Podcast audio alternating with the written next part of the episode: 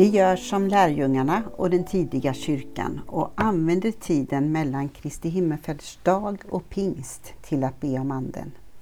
Vi gör det tillsammans i en vid kristenhet. Anden skapar och ger liv och är motsats till det som är andefattigt. Vår bön är att vara anderika, livfulla.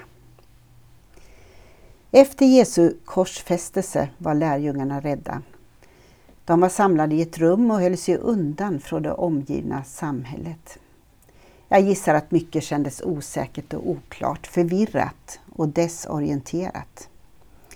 Kanske tänkte en lärjunge, vad är nästa steg? Vad händer härnäst? Hur ska framtiden bli? För den förväntade framtiden, den utstakade vägen, var som bortblåst.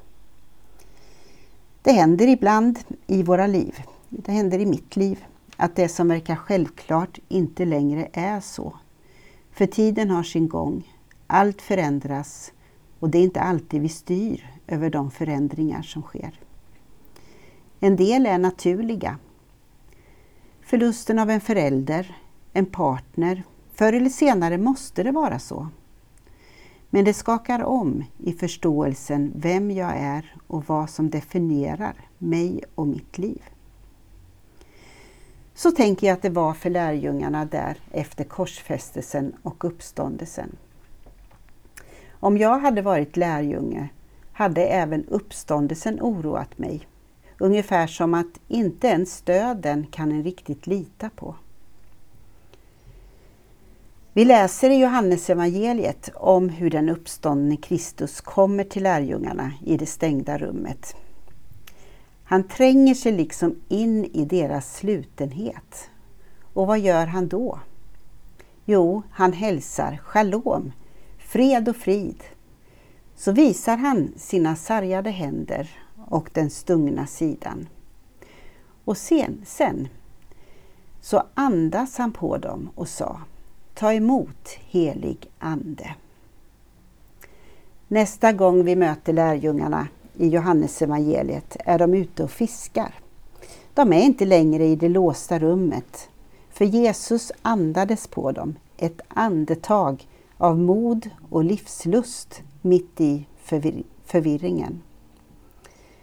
Så tänker jag att det kan vara också för oss när vi möts av det som skakar om och gör oss desorienterade, rädda. Att vi kan få möta Jesus som andas på oss. Ett andetag av mod och livslust mitt i förvirringen. Vi ber Kom heliga Ande, godhetens och sanningens ande och fyll våra hjärtan med din kärlekseld. Ge oss ljus, ledning och inspiration så att vi ser, förstår och handlar rätt. Ge oss nåden att leva efter Kristi vilja och följa honom som är vägen, sanningen och livet. Ge oss ett hopp förankrat i Gud, vårt ursprung och mål. Amen.